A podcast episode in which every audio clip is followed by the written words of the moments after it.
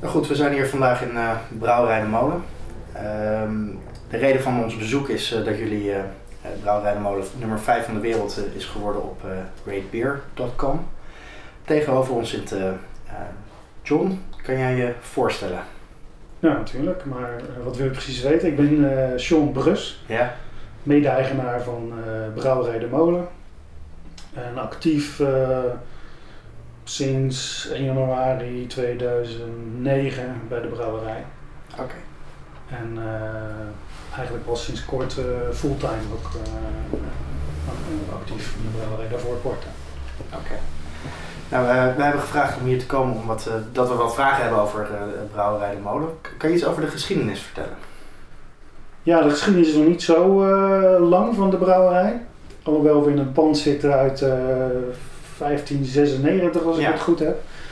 Uh, bestaat de brouwerij eh, feitelijk pas sinds 2006. Uh, eh, maar in 2004 is uh, de andere eigenaar, Menno Olivier, begonnen met een brouwerij. -hmm. toen nog niet in, de, in, deze molen, maar vlakbij de Watertoren, hier niet ver vandaan. heette toen ook nog anders. Ik meende Salamander, maar dat weet ik niet 100% zeker. In ieder geval onder de BV Oliviers bieradvies. Um, dat beviel uh, zo goed dat hij, uh, dat hij daar wat meer wilde mee gaan doen. Um, heeft ontslag genomen bij zijn baas en is in, uh, in de molen hier begonnen met de brouwerij. Um, dat is hij gelijk al gaan doen met een stukje horeca erbij. Dat was ook de visie. We willen een brouwerij beginnen met een stuk horeca zodat je een, een, een compleet ehm, product kan leveren aan de klant. Dus niet alleen een biertje en derde wereld oversturen, maar ook gewoon een goede maaltijd en uh, goed bier erbij. Dat, uh, dat sloeg aan. Uh, zo uh, sterk zelf dat binnen no timer mensen aangetrokken moesten worden om mee te gaan helpen in zowel de brouwerij als in, de, ehm, in het restaurant. in het restaurant uh, is op een gegeven moment PP gekomen. Ja. Uh, Peter Paul Stil is het volledig. Hij is uh, toen het restaurant overgenomen als zeggen, bedrijfsleider, chef-kok van het restaurant. En Menno is zich meer gaan toeleggen op het maken van het bier.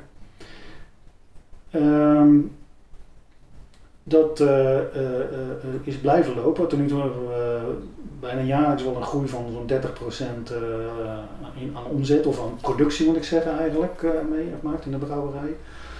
In 2009 ben ik dus zachtjes begonnen bij de brouwerij. Een beetje ook als, vanuit een hobby. Mijn hobby was het altijd al bier brouwen en, en bier drinken en proeven en proeverijen geven, noem maar op. Dus genoeg kennis van bier aanwezig. Ik kwam met Menno in contact. Ehm, mede door, nou eigenlijk had ik al langer contact met hem. Ehm, mede door het overlijden van mijn vrouw, vreemd genoeg. Uh, uh, het bier Sarina Ezra is naar haar vernoemd.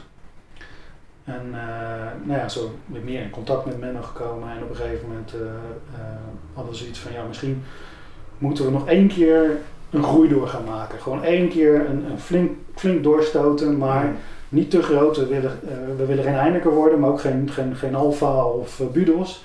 Maar we willen wel gewoon één keer even groeien, zodat de vraag die er is, want de vraag is veel groter dan we kunnen maken, ja. dat we dat gewoon aan kunnen. En, maar dat het wel klein blijft en gezellig, want dat is wel een van onze doelstellingen. We willen maatschappelijk betrokken zijn, we willen het leuk houden. Uh, en we willen ook uh, milieubewust uh, produceren. En ook dat is, is een van de, nieuwe, van de redenen om de nieuwe installatie aan te schaffen. Je, je zei, eerst was het eh, Salamander waarschijnlijk en later is de molen gaan heten. Hoe is men aan deze locatie gekomen? Um, de molen en het dat, dat is ja, dat is gewoon heel uh, vrij natuurlijk geloof ik. Bij de gemeente uh, uiteraard uh, aan gaan kloppen van ik wil iets gaan doen met een brouwerij. Wat zijn de mogelijkheden? Um, om zich heen kijken. Menno is iemand die heel erg bezig is met, met, met, zijn, met zijn omgeving. Mm -hmm. En uh, dus ook heel veel mensen in de, in de omgeving kent, heel veel ondernemers kent enzovoort. En uh, toen bleek dat de molen gewoon uh, beschikbaar was, verhuurd zou gaan worden. En nou, dat leek me een ideale plek en dat is het ook gebleken. Kan je iets vertellen over het eerste biertje wat hier gebrouwen is? Nou, dat kan ik eerlijk gezegd niet. Dan zou ik, zou ik Menno moeten vragen. Ik weet niet welke eerste. Ik denk molenbier, want dat is een bier wat, die, eh, wat een van de eerste bieren die hij maakte. Zij het in een heel andere vorm als dat het nu beschikbaar is. En uh, tipje van de sluier, we gaan het weer behoorlijk bijstellen. Het is nu een uh, 8,5% meen ik. We willen het terugbrengen naar 7%. Terwijl de, het soort bier hetzelfde, maar minder alcohol. Mm. Uh, dus ik vermoed dat het molenbier is geweest. Maar ik, uh, ik, ik, weet het niet. Men ook kon er helaas uh, niet bij zijn. nee. nee, we hebben wel eens van PP begrepen dat het om heen en weer ging. Dat er heel vaak heen en weer is gereden. Maar nou, nee, dat is, een ander, het is een heel mooi verhaal aan heen en weer als ik eerlijk ben. Maar het is niet de eerste bier hier gebrouwen is. Want dat is pas gekomen nadat het pakhuis verderop... Ehm, kan je het verhaal van heen en weer vertellen? Ja, het is ehm, ja, we zijn, we zijn wat gegroeid. Op een gegeven moment was er geen plek meer voor uh, opslag enzovoort. En toen hebben we een oud kaaspand, een echt een oud, net als een oude molen, ook een heel oud pand, uh, maar dat is vroeger pakhuis geweest van kaas. Uh, zijn we gaan huren mhm. en daar ging de opslag heen en de vergisting. Maar als je hier brouwt en daar vergist, betekent dat je op je heftruck een kleine kilometer dwars door het dorp moet rijden met een, een gislagertank op je, op je heftruck. Daar zet je hem neer en uh, wordt hij op zijn plek gezet. Vervolgens een lege weer op de heftruck. En die lege tank wordt weer hier naartoe gegeven voor het volgende brouwsel. Dus vandaar heen en weer. Ja. En dat is een triple, hè? Dat is een triple, ja. Kan je iets vertellen over uh, de witte labels? De layout van de witte labels, hoe zijn jullie daartoe gekomen? Nou, heel, daar hebben we heel uh, bewust over nagedacht. Mm -hmm. um, als je, als je een schap kijkt nu, uh, er ook maar een, uh, een mitra van gewoon gal binnen of iets waar ze iets meer bier hebben staan, dan zie je één groot kleurenpatroon. Uh, als, je, als, je, als je het op een computer zou zetten en je zou de resolutie niet zo hoog zetten, is volgens mij een vlek. En wat we een keer, ja, we hebben het wel ergens anders een keer gezien, maar en het is ook een keer ontstaan uit nood. We moesten even een, een, label maken en er was nog geen ontwerp voor. Eerst hadden we ook mooie gekleurde. Toen bleek dat zo ontzettend opvalt, terwijl het eigenlijk zwart-wit is. Maar als je vijf flessen op een rijtje zet, dan is er gewoon een wit vlak in dat kleurige uh, uh, palet. Dus hij valt enorm op en dat uh, is de reden geweest om, om de etiketten op deze manier te gaan doen. En gaan we ook doorvoeren. We hebben nu nog een paar bieren die kleur hebben en een mooi plaatje erop. Maar we gaan nu uh, alle etiketten. Jullie geven ook heel veel informatie op het, uh, op het label over ja, allerlei. de hop, de, nou ja, de verplichte alcohol enzovoort natuurlijk. Maar bitterheid en kleur. Ja. Dat, dat kom je niet veel tegen. Wat is voor jullie de reden om dat te doen? Omdat wij eerlijk willen zijn naar de consument en informatief willen zijn naar de consument. We willen ook de consument eigenlijk, ja, is misschien een beetje arrogant, maar we willen ze eigenlijk opvoeden. Mm -hmm. uh, bier is niet gelijk aan Heineken of Gol zoals je het oosten woont. Maar er zijn gewoon hele mooie dingen te doen met bier. Ja. En uh, er zijn zat bierliefhebbers die er net ook iets meer van afweten. Nou, die hebben die informatie graag. En we willen het nog gaan uitbreiden, zeker. We, we, we hebben net contact gehad met Pint. Die hebben een uh, soort van, van checklistje van uh, wat is nou, uh, wat zouden we willen zien op een etiket. En we willen daar zeker nog meer aandacht aan gaan besteden om, om die informatie te leveren die ja, de consumenten, zoals in ieder geval Pint het voorschrijft, wil, wil zien. Oké. Ja. Doet me gelijk op een ander gerelateerd onderwerpje komen. Wat is het verhaal achter de naam? Want het zijn altijd hele mooie dubbele namen over het algemeen. Ja. Wat, wat is daar het verhaal achter? Uh, een beetje van nature ontstaan. En op een gegeven moment was er een bier wat uh, een dubbele naam kreeg. En kijk, het is nooit verkeerd om een eigen imago te hebben als brouwerij. En we zijn er toch, toch wel heel erg mee bezig. Niet, niet omdat we enorme verkoopcijfers willen hebben, maar we willen wel gewoon iets eigens hebben. eigen dat iedereen weet gelijk van het is van Brouwerij de Molen. Daar komt het feitelijk op neer. Ja, en, dat lukt zeker. Uh, en op een gegeven moment is dat van nature ontstaan met die dubbele namen. En dat willen we ja. gewoon doorzetten. Nog meer. Er zijn nogal een bier, het zal het blijven eten. De Amarillo zal Amarillo blijven eten. Maar nieuwe bieren gaan we zeker uh, dubbele namen geven. Toen uh, Menno begon, Wat was zijn idee? Wat was zijn visie op Nederlands bier of zijn eigen brouwerij? Ja, ik zit even te denken.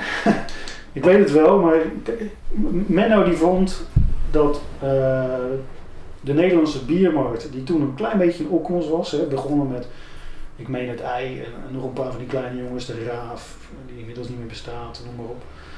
Uh, die begonnen met speciaal bieren. Nederland had in de jaren, nou, ik, zou durven, bijna durven zeggen, in het begin jaren 90 nog, uh, 13 brouwerijen. Mm die allemaal pils maakten, een bokbiertje en dat was het. Toen kwamen een paar kleine jongens op, maar die al gauw uh, kopieën maakten van Belgische stijlen. De, blond, de triple, de dubbel en uh, een winterbier. En op een gegeven moment gingen we ook nog een meibiertje maken, wat denk ik toch uit Duitsland over is gekomen. Maar dat bleef erbij. En uh, allemaal zoet, oninteressant. Mm. En Menno was iemand die hield van speciale bieren, vooral Engelse stijlen bieren, uh, waar goed gehopte bieren uh, bij zitten. En dat, uh, dat was ook zijn visie. Hij, hij, zei, ik wil iets maken wat ik lekker vind. En ik vind niet een zoete triple lekker, ik vind een mooie Engelse strong ale lekker. Bijvoorbeeld zoals het molenbier is. stevig gehopt, mooie moutigheid, lichte fruitigheid. En niet heel veel zoet en fruit en, uh, en, en wat is het. Mhm. En, uh, en dat was mijn visie. Ik maak een lekker bier en ik doe wat ik zelf wil en doet hij nog steeds. Ja, als u, als u er nu bij zou zijn geweest, hadden we gevraagd, is hij daarin geslaagd? Waarschijnlijk zou er een bescheiden antwoord komen, maar wat denk je? Ik denk dat hij daar meer als geslaagd ja. is. Hij, hij maakt bieren die uh, zeer experimenteel zijn soms. Mm. die geen enkele brouwer in Nederland, maar überhaupt in de wereld ook niet echt veel uh, maken. Ook de experimenten die hij doet, zoals een, een Imperial Stout met bread en cherry, de, uh, kersen erin. Ik geloof nog niet dat het gedaan is en als het gedaan is, dan, uh, dan is het niet zo goed gedaan als wat Menno doet, zou ik bijna zeggen. Want ik ben echt een groot fan van, van, de, van zijn creaties. Dus de Gaius en Getijsen? Of, Dat was Gaius en Getijsen, ja. We hebben daarvoor ook eentje gedaan, dat heet, dat is een bier wat zeer selectief beschikbaar was. Dat heet Phone 50. Oh. Uh, dat was voor een, uh, een bierfanaat uit Denemarken die 50 werd. Ja. En die heeft gezegd tegen mij, nou, ik wil een bier hebben wat nog niet bestaat. En, en, en hij had het geld om te betalen, zou ik maar zeggen. Dus creëer maar iets voor me. Ja. En dat is een bier geweest gebaseerd op het Serena Essa, dat recept. Wow. Maar dan in, uh, in Bordeaux vaten met uh, bret erin. Ja. Dus, Menno brouwt veel samen met andere brouwers. Ja. Heeft hij er nog eentje op zijn wensenlijst staan waar hij ja. heel graag nog mee zou willen ja. brouwen? Phil Voice. Ah, kijk. Die zou die wel een keer, daar zou hij wel een keer mee willen brouwen, ja. En uh, ik ook, want ik ga mee als als, dat, uh... als we dat gaan doen. Als we daar gaan brouwen. Nou, dat is zeker iets wat op de verlanglijst staat. Ja. ja. Uh, niet zo lang geleden kwam met, wat was het weer, Flying Dog? Of? Uh, ja. Robin Frog, Flying Dog. Ja. Uh, maar ook met Nerken natuurlijk. Ja. En uh, Andy van toenmalige Beksbrouwerij, maar tegenwoordig heet het Genstaller. Tenminste, hij, hij is een eigen brouwerij begonnen. Ah. We, we, krijgen bijna wekelijks wel de vraag van of iemand met of, of kunnen brouwen een keer met ja. die of geen uit waar dan ook vandaan. Okay. Maar dat gaat gewoon niet stress met de nieuwe brouwerij en uh, alles draaien houden wat we nu hebben. Ja. Ah, je, je, noemde het net al eventjes inderdaad, de nieuwe brouwerij. Wat, uh, wat zijn jullie allemaal aan het doen bij de molen? Jullie zijn goed aan het groeien, heb ik het idee? Ja, we zijn aan het groeien. We hebben uh, vorig jaar, uh, begin volgend jaar, vorig jaar hebben we die plannen opgevat. Om te kijken van wat willen we nou? Hoe ver gaan we? Willen we zoveel hectoliter? Of willen we dit? Willen we nou ja, er zijn zoveel keuzemogelijkheden in, eh, in, in, dat. We hebben zelfs zitten denken over zelf te gaan mouten. Uh, zijn we uiteindelijk, uh, of hebben we vanaf gezien, omdat uh, het is een vak apart. Dat is één. Het is niet, je hebt brouwmeesters en je hebt moutmeesters. Het is echt een heel apart vak waar je echt veel kennis van moet hebben en veel ervaring voordat je een goed product neerzet. Ehm, de tweede is dat een mouterij, er zijn veelal enorme mouterijen die er al, al 200 jaar of langer staan, hè, zoals bij, bij mm of Dingemans of weet ik veel wat. Ehm, maar je kan ook mouterijen kopen, hè, die net als een brouwinstallatie min of meer kant en klaar zo. Oh. Alleen, uh, we zijn bij een leverancier geweest die had er al eentje afgezet. Dus ook daar is zeg maar zeggen, de ervaring nog niet genoeg mm. bij het maken van die dingen. Dus we hebben gezegd van nou, laten we ons concentreren nu op een nieuwe brouwerij en dan op de mouterij eventueel in de toekomst. Maar misschien ook niet. Oké. Ehm, Hoeveel groter wordt een nieuwe brouwerij? Ja, de brouwerij wordt, uh, als je puur kijkt naar de ketel, wordt die vijf keer zo groot als wat we nu hebben. We gaan van 5 naar 25 hectoliter. Uh, moet ik even zeggen, netto 25 hectoliter, want wij maken brouwsels met een stortingen uh, die zodanig zijn dat we een, een 32 hectoliter brouwketel nodig hebben om 25 hectoliter bier te kunnen maken. Uh, maar we gaan twee keer per dag brouwen. Mhm. Dus we gaan altijd twee keer per dag brouwen. En we hebben dus een aantal gislagertanks aangeschaft die twee brouwsels kwijt kunnen. Uh, zes stuks daarvan. En we hebben er twee aangeschaft die vier brouwsels kwijt kunnen. Zodat we de, de goedlopende gangbare bieren, zoals mhm. op en top. Hè. Op en mhm. top is een, een, heel licht biertje wat gewoon lekker doordringt en wat enorm aan het aanslaan is. We krijgen heel veel vraag, vooral ook uit Scandinavië. Ja. ja dan kunnen we dadelijk dus gewoon 100 hectoliter in één keer uh, laten vergisten. Ja. Um, qua oppervlakte van brouwerij gaan we drie keer zo groot worden. We hebben 1500 vierkante meter dadelijk. Nu in totaal 500 vierkante meter. Ja. Dus dat is een behoorlijk stuk groter. Dat is inclusief het restaurant dan? Nee, nee, dat is eigenlijk vooral, eigenlijk is het alleen pakhuis. Ik ah, ja, pakhuis, ja. het stukje brouwerijhuis hier niet eens mee. Nee. En um, um, de installatie die we aangeschaft hebben nu, kunnen we in principe uh, vijf tot tien keer zoveel maken als we nu doen. Maar de bottleneck zit daar in de gislage tanks. Dus als wij zeggen van we kopen er een paar bij, wat nog niet onze bedoeling is, zouden we gewoon uh, nog een klein beetje extra kunnen groeien. Oké. Maar ik begrijp, het de doel zit er niet per se in dat jullie nou heel groot moeten worden, maar dat jullie in ieder geval aan een, de vraag die er nu is willen voldoen. Ja, nou ja, klopt. We hebben, we hebben als, als doelstelling een aantal dingen met de nieuwe brouwerij gesteld. Ten eerste is het inderdaad, we willen aan een groei gaan voldoen uh, die de vraag gewoon op dit moment uh, bepaalt. Want, ja. uh, wij moeten gewoon nee zeggen constant. We krijgen zelfs uit, uit Brazilië nu opdrachten van willen jullie, ja, uit Amerika komt de bestellingje, doe maar een zeecontainer. Ja, een zeecontainer, dat zijn voor ons drie, vier weken brouwen. Hè? Dus we kunnen ja. er gewoon echt niet tegenop brouwen. Ja. Um, uh, Japan, Australië. We zeggen gewoon nee. Ja. Want, want, we kunnen het niet maken. Nou, dat vinden we, vinden we jammer, want we willen eigenlijk toch een grotere markt bestrijken. Uh, terwijl we in Nederland zetten we eigenlijk nog niks, bijna niks af. Nee. 10% van wat we maken blijft in Nederland, de rest ja. gaat naar het buitenland. Ja. 90% wordt geëxporteerd. Nou, 80%, er wordt nog 10% hier in het restaurant ja. getopt. Ja, dat is, dat is ontzettend veel inderdaad. Ja, ja dus uh, uh, ik ben de vraag kwijt inmiddels. de doelstellingen voor de nieuwe brouwerij. Doelstellingen, ja. Voldoen aan de vraag. Tweede is, we willen maatschappelijk bewust bezig blijven. We hebben nu uh, jongens van Stichting Philadelphia in dienst. die ons helpen bij het plakken, bij het afvullen, bij het schoonmaken, bij het dozen vullen, noem maar op. Nou, dat willen we absoluut blijven doen. Wat is Philadelphia? Philadelphia is een stichting die mensen met een verstandelijke beperking ofwel een, eh, een, hoe ze dat zo mooi, een dagbezigheid geven, of een, een, een, een, ja, echt een baan, zou ik maar zeggen, en, maar wel een, baan die voor hun geschikt is. Het is niet zo dat ze een soort opleidingsbaan hebben, zodat ze in het echte bedrijfsleven kunnen ja, Begeleid werken. Ja, het is begeleid werken. Er loopt ook echt een begeleider of twee begeleiders bij ons rond om, uh, om, die, om die jongens uh, te helpen.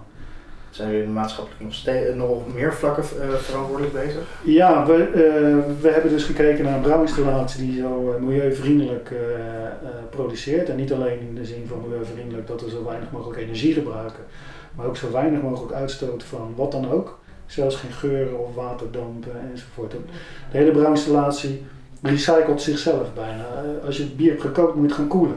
Voordat je het gaat lageren. Nou, die warmte wordt allemaal uh, door een warmtewisselaar afgenomen, opgeslagen in warm water. En dat warme water gebruiken we weer of om schoon te maken of gewoon voor het nieuwe brouwsel.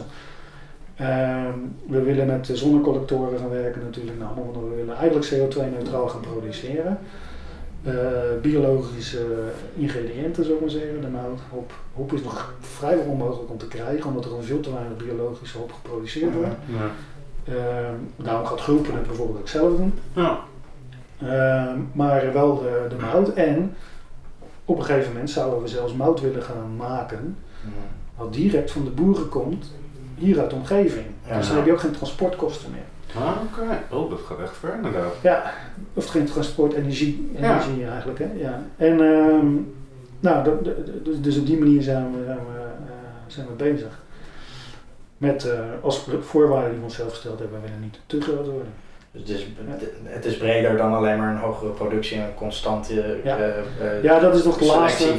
Die hadden het net al genoemd natuurlijk. De, de kwaliteit willen we gaan ja, de kwaliteit verbeteren, maar constant te, constant te maken. er gaat hier echt nooit slecht bier de deur uit. Dat, nee. dat, dat ben ik nu al van overtuigd. Ja. Maar wij willen dat gewoon een flesje openmaakt, de juiste CO2-druk hebt altijd. En niet mhm. afhankelijk van wat de natuur toevallig ons gegeven heeft. Mm Maar onder, onder druk afvullen. We hebben ook niet meer afvulinstallatie mm gekocht. Nou, dat betekent dat we ook daar gewoon meer constante kwaliteit leveren. De laatste Red Beer was uh, Helm Verdoemenis uh, Wild Turkey Barrel, de best beoordeelde. Ja. Die hebben wij helaas niet kunnen drinken als liefhebbers, omdat hij uh, volgens mij op een festival in Denemarken alleen te drinken was. Nee maar we hebben hem ook afgevuld. Hij is, ah, ah. hij is op meerdere plekken op tap beschikbaar geweest. Ja. Maar inderdaad, op fles hadden we, ik meen dat er nog geen 100 flessen afgevuld zijn. Ah, oké. Dus dat is heel weinig. Komt hij nog? Uh, we hebben hem van de week de nieuwe badge afgevuld. Dus hij komt zeker wel. Uh, deze heeft, is, is net iets anders is uitgevallen als de vorige, waardoor die uh, naar mij veel beter is. Hij is wat zachter. Maar absoluut de smaken van, nou ja, die erin horen, sowieso van chocola en koffie en noem maar op. Maar ook de, de bourbon smaak is, is, is gewoon enorm mooi gebalanceerd in dat nieuwe, nieuwe badge. Dus wat mij betreft wordt het volgend jaar weer nummer 1. Dus, Tenzij wij een beter bier nog gaan maken.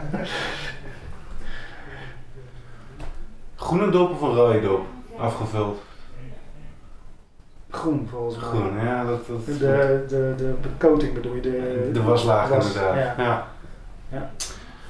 Um, wat kunnen we eigenlijk voor bieren uit de nieuwe brouwerij verwachten? Wat zijn jullie daarmee van plan qua, qua producten? Wat willen jullie daar gaan uh, grote schaal gaan maken, op wat minder grote schaal gaan maken?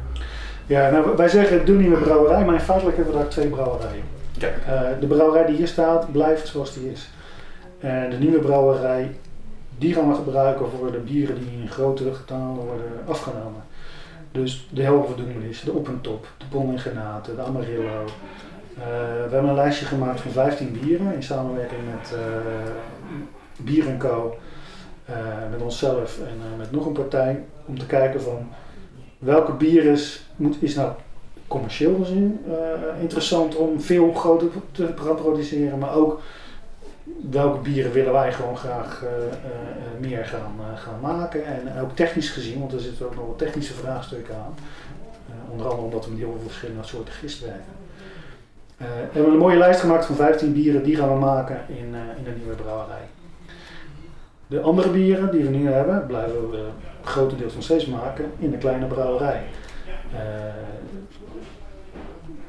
de eikenvaten blijven we gebruiken, dus, uh, maar ja, we gaan niet 5000 liter in eikenvaten stoppen, dat is gewoon uh, veel te veel. Dus nou, we maken we kleine beetjes, die vullen we af in, in de eikenvaten uiteindelijk en, en, dat blijven we dus doen. Dus eigenlijk zetten we er een brouwerij naast. Wat we nu doen, blijven we doen. Zij dat we niet meer acht keer per week gaan brouwen, maar gewoon twee keer of drie keer per week. Ja. En in de grote nieuwe brouwerij gaan we gewoon uh, meer brouwen. Oké. Ja, goed. Nummer 5 dit jaar bij Rate Beer. Het restaurant nummer 1 brewpub in de wereld. Ja. Dat zijn echt prestaties van, van formaat natuurlijk. Waar, waar ligt wat jullie betreft de grens? Waar, waar streven jullie nog naar en waar, waar hebben jullie zoiets van ja... We blijven gewoon lekker bezig met mooi bier brouwen en wat de rest ervan vindt. Nou, wij zijn absoluut geïnteresseerd wat anderen ervan vinden. Dat hoeft niet per se reetbeer te zijn. Mhm. Ehm, iedereen die er iets van vindt, daar zijn we absoluut in geïnteresseerd. Ehm, maar we blijven gewoon doen wat we zelf willen. Uh, Menno is de brouwmeester. Ik bemoei me tot in zeer beperkte mate met de recepten. Maar Menno maakt gewoon wat hij lekker vindt. En uh, gelukkig heeft het, is het aangeslagen. Er zijn heel veel mensen die dat ook lekker vinden, vooral ook omdat het anders is dan anders. Dus dat blijven we gewoon doen. En um, kun je nog een keer de vraag wat, wat maakt een molenbiertje een molenbiertje als je hem drinkt? Dat is een hele goede vraag. Wat is de... Omdat de, de verscheidenheid is enorm bij ons. Er is wel één kenmerk altijd. Het is een stuk hoppiger als de normale gemiddelde, uh, maar ook bovengemiddelde uh, brouwerij produceert. Het is altijd een stuk hoppiger in smaak, ook in hoeveel hop erin gebruikt wordt. maar ook vooral door de verschillende methoden van hoppen die we gebruiken. Mm. Hopbursting, leedhop, draaihoppen. Allemaal technieken die, die, je kan, die je kan gebruiken die hopverslindend zijn, maar waar ook echt de, de hopsmaak behoorlijk in zit. Ja. En dat is wel een grote kenmerk van, van denk ik, brouwerij de Molen. Ehm, maar er is volgens mij nog een kenmerk. En ik, ik weet niet hoe dat is. Uh, als je een bier proeft van een brouwerij, van een ambachtelijke brouwerij. Het is lastig hoor, maar vrijwel altijd herken je de handtekening van de brouwmeester erin. Ik, ik, bij narkenbieren, ik proef altijd dat het van Nark is. Ja. Uh, van uh, Gensteller, ik proef altijd dat het van hem is. Dan maakt hij ook hele bijzondere bieren bij Gensteller, want hij is de enige die volgens mij een lager maakt met veel hop van 10% alcohol en wat ook nog eens een keer vier maanden minimaal gelagerd is. Een hele dure productiemethode. Ja. Maar dat heeft er wel voor gezorgd dat hij iets unieks maakt. Ze zeggen wel dat het komt door de uniekheid van uh, de brouwinstallatie. Nou, dat lijkt mij onwaarschijnlijk, want we hebben in de loop der tijd twee of drie keer de brouwinstallatie vervangen. Ja, dus, en dat is niet... Uh... Uh, dus bij de nieuwe zal het ook niet anders zijn. Nee, oké. Ja. Goed. Ja, kijk, we kunnen ja. de microfoon lekker mee laten lopen, dat is het punt niet. Dat is het voordeel van uh, ja, goede software. Is er iets waar jij op, op terug wil komen? Iets wat je graag wil belichten? Um, nou, ik wil nog wel iets over, over Reed Beer zeggen. Ja. Uh, Reed Beer in Nederland zie ik heel veel, hoor ik heel veel geluiden over Reed Beer. Er zijn allemaal, tikkers en er wordt niet blind geproefd. En uh, de, het zijn geen mensen die opgeleid zijn om bier te proeven. Maar ik, ik, vind het prachtig dat we op één staan en het is mooie reclame. En ik, ik, hecht ook weer niet zo ontzettend veel waarde aan dat als, het, als wij ineens op de 500ste plaats zouden staan, dat ik denk van oh, ons bier is niet goed. Maar het zegt wel iets over, uh, over je bier, vind ik. En uh, wat ik vooral heel belangrijk vind, is dat het grote aantal consumenten zijn die er wat van vinden. Ja. Um, en uh, dus daarom zijn we ook wel heel trots op deze scoren. Ons, ons doel is een verkeerd woord, maar wat wij hoopten was dat, je, dat we toch in de top 25 van brouwerijen zouden staan. We stonden vorig jaar, ik meen, op de 12e plaats of iets dergelijks. Ja. Uh, en nu op 5, we zijn dus gestegen, hadden we eigenlijk niet verwacht. Vinden we geweldig.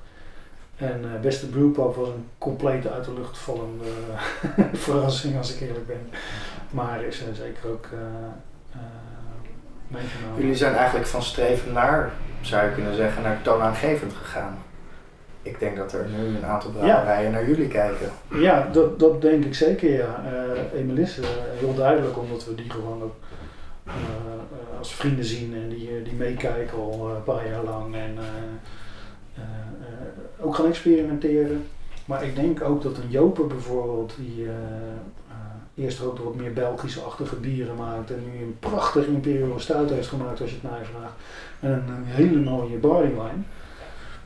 Ik vermoed dat hij ook wel inderdaad met een knipoog gekeken heeft van nou, dat, dat kan ook op die manier een bier maken. Dus, Merken jullie daar zelf iets van dat je toonaangevend ben of trendzettend? Of komt er druk bij jullie te liggen op een of andere Nee, manier? Nee, er ligt geen druk bij ons, maar eh, eh, ik merk persoonlijk wel dat men natuurlijk, eh, als we ergens zijn waar andere brouwers zijn, dat iedereen weet wie die is en iedereen gelijk naar hem toe loopt en een praatje begint. En, eh, Ja. Dat, ja, dat geeft wel blijk, denk ik.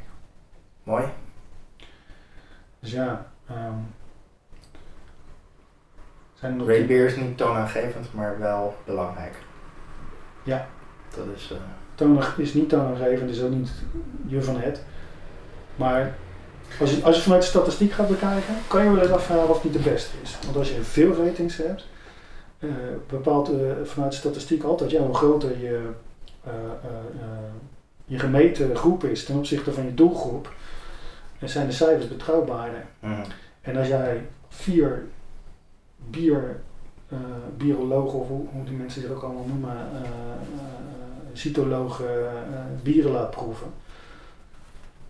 dan is het ook maar een mening van vier mensen. En dan kan die technisch gewoon een prachtig bier zijn, maar of het dan een lekker bier is of een zeer gewaardeerd bier, ja, ja, dat is de vraag. Heineken is technisch denk ik ook een enorm goed bier. Het is gewoon puur vanuit de techniek kijkt. Ja. Oké. Ik heb nog een vraag, ik ben hem even aan het formuleren. Ehm, hoe ziet Brouwerij de Molen het Nederlandse bier de komende jaren? Wat hopen ze daarin? Wat, wat, wat voorspellen ze daarin? Wat is de kijk van Brouwerij de Molen op het Nederlandse bier? Ehm, ik denk dat Nederland een land in opkomst is waar de wereld nog veel van gaat horen, als ik eerlijk ben. Eh, ik zie er een ontwikkeling ontstaan in het Nederland biergebied, een kwaliteit die, die, eh, en bijzonderheid eh, die nog niet eens aan het begin is. Dus als staan als die als het op zijn top zou komen. Ehm, ik zie Nederland binnen tien jaar absoluut als bierland België voorbij strijven. Eh, als je nu naar België kijkt, dan hebben ze, profiteren ze nog steeds van 20 jaar eh, bierland zijn. En waarom zagen ze bierland? Omdat ze 100 jaar achterliepen. Dat was een goed ding. Ze liepen 100 jaar achter. Eh, alle brouwerijen in Duitsland, in Engeland, in Nederland, in Frankrijk zijn aan het consolideren geweest. Brouwerijtjes opkomen, nek omdraaien bierstijlen afvlakken, uit de markt halen, noem maar op. Gebeurde niet in België. Daardoor bleven er prachtige bieren achter in België. Wat is er nu aan het gebeuren? De hele wereld is mooie dingen aan het maken en zij blijven nog steeds hetzelfde maken. Op een enkele brouwerij, nou, er zijn ook wel een Struisen bijvoorbeeld, die er wat leuks aan het doen is. Absoluut. Maar de rest staat gewoon een beetje stil. En ik, ik denk dat ze dus. Ze zijn al voorbijgestreefd, naar mijn gevoel, door land zoals Denemarken en eh, Amerika. Maar ik denk dat ook Nederland er zeker eh, eh, aan gaat bijdragen. En ik denk dat Nederland ook een Denemarken voorbij zal gaan. Omdat ik zie in Denemarken veel geëxperimenteerd, maar zonder basis. Waardoor er veel kleine brouwerijtjes ontstaan en weer verdwijnen. Omdat ze gewoon iets maken wat niet goed is. En eh, ik denk dat dat een beetje de strot zou kunnen worden in Denemarken. Ik geloof dat Nederland echt over tien jaar eh, een van de bierlanden ter wereld is. Waarom gaat dat niet in Nederland gebeuren? Wat is de basis die je hier wel ziet? Volgens mij pakt Nederland het, het, het, het, het ehm, gedegener aan als in Denemarken. Ehm, ik weet niet of je het concept kent in Denemarken, misschien wel even dat hierop moet, maar in Denemarken heb je, eh hoe noemen ze het nou? Ik, nou, het is in ieder geval, het is een soort communielening. Com- ehm, Ja. als je daar in een dorp woont en je wil een bakkerij beginnen of een brouwerij of maakt niet uit, dan plaats je gewoon in het lokale krantje van ik ga een brouwerij beginnen en ik zoek, weet ik voor een miljoen. Dan gaan daar duizend mensen jou duizend euro geven vanuit het dorp. Die geven het gewoon aan je. Eh, rekening houdend dat je het over een tijdje over terug gaat betalen. Ja. Dus ze, ze kunnen daar vrij makkelijk eh, geld krijgen om een brouwerij te beginnen. Die steken er een miljoen in en eh, hele mooie apparatuur zetten ze neer. Ehm, maar de kennis van bier en brouwen hebben ze niet. Ze gaan gewoon brouwen. En nou ja, ik heb er verschillende gezien die dat doen. En, en dus ze komen paf omhoog omdat ze heel makkelijk geld los krijgen. Wij zijn een jaar bezig geweest om bij de banken een paar euro kwijt los te krijgen. Maar ja. daar eenvoudig. Brouw een tijdje, de boer is verzuurd, ze hebben zo financiële strop in één keer, want een paar auto's misgaan. En eindhoeven. En volgens mij in Nederland pakken we het uh, beter aan als het gaat om de uh, financiën. Ik zie dat bij Joop heeft dat prachtig gedaan. Emelisse heeft dat heel, is daar heel goed mee bezig. Er is een enorm De hemel heeft dat heel, heel goed opgepakt. En volgens mij als er een aantal van, ik ben ook echt fan van, van de hemel als ik eerlijk ben. Die, die brouwerijen die gaan dadelijk mooie bieren maken. En misschien krijgen we er nog meer. Ik kan nu even, de Schans maakt wel hele mooie bieren, maar is wil volgens mij heel bewust heel klein blijven. Maar volgens mij gaan we er nog een paar krijgen die, uh, die hele mooie bieren van maken. Ja. Wat, speelt, uh, wat voor rol speelt het woord wat daarin? Nou, geen. mijn weten geen. Okay. Nee. Ja, omdat het, een, het komt een beetje af als een mooie kweekvijver. Ja, dat, dat, uh, dat is natuurlijk wel, ja, zoveel mensen zeg maar in, in, in, in een goede school zijn. ja. Ja, dat, dat, dat wel, ja. Ik vond, als je het zo bekijkt, zeker wel. Ik denk dat dat inderdaad, uh, zoals het woord wat, daar behoorlijk uh, wat uh, mensen kunnen, kunnen experimenteren, kunnen leren enzovoort. Ja. Zo. Ja, niet, niet als brouwers op een gegeven moment, zoals Menno en nee, natuurlijk helemaal zo ja. op zich. Ja, in, in, een, in een brouwvereniging, want volgens mij mag je dat zo noemen dan, er is ontzettend veel kennis aanwezig natuurlijk. Ja. En dat kan alleen maar tot goede producten leiden. En dat is, dat is denk ik misschien ook wat aansluit bij die basis die jij benoemt. Wat dat betreft zijn we misschien ja, toch nog ja. een klein beetje die kenniseconomie. Uh... We zouden in Nederland ook een goede brouwschool moeten hebben. Hè? Ja. Een echte. Brouwacademie. Ja, dus dat is een geen tot uh, ja. Wijn Stefan. Ja, toch? Ja, Wijn Stefan heeft een brouwacademie. Ja. Goed. Puur uit interesse, uh, favoriete biertjes, uh, zowel binnen als buiten de molen, wat zijn voor jou echt favorieten? Um, mijn favoriete, uh, het Sine Ezra Reserve, als het om de molen gaat, dat is mijn ja. absolute favoriet. En een verdoemenis. Ik vind gewoon een heerlijk bier om, um, om eind van de avond te drinken. op en top is absoluut een van mijn favorieten. Ik vind het een geweldig bier om gewoon je komt thuis, je hebt dorst en je pakt op een toppie van uh, 4,5% waar toch enorme smaak aan zit. Dus dat nou ja, is een top 3 dan denk ik van de molen. Uh, buitenlandse bieren is nog steeds mijn favoriete denk ik. Uh, nou niet, niet in, in, in, de beste of maar de, om er een paar te noemen. Rochefort 10 is niet constant van kwaliteit. Maar als je een, hij is, hij is altijd goed. Ja. Maar regelmatig zit er een hele goede tussen. Ja, ja, ja. En dan is die echt ontzettend lekker en dat kan ook aan je eigen instelling liggen. Uh, ongefilterde Girardin. Ik weet niet of je hem kent. Dat is een Lambiek. Een geus okay. eigenlijk. Ja. Uh, uit uh, Sint-Ulrikskapelle vlakbij Brussel, uiteraard. Prachtig bier. Echt zo puur natuur. Als ik dat drink, dan denk ik altijd die, gewoon die, die Lambiek donker brood en een hele mooie oude kaas. Ja jongen, dat is gewoon uh, mooier kan je niet bedenken. Dat is gewoon zoveel natuur van mij gevoel, zoveel oer, oerdingen, weet je wel. um,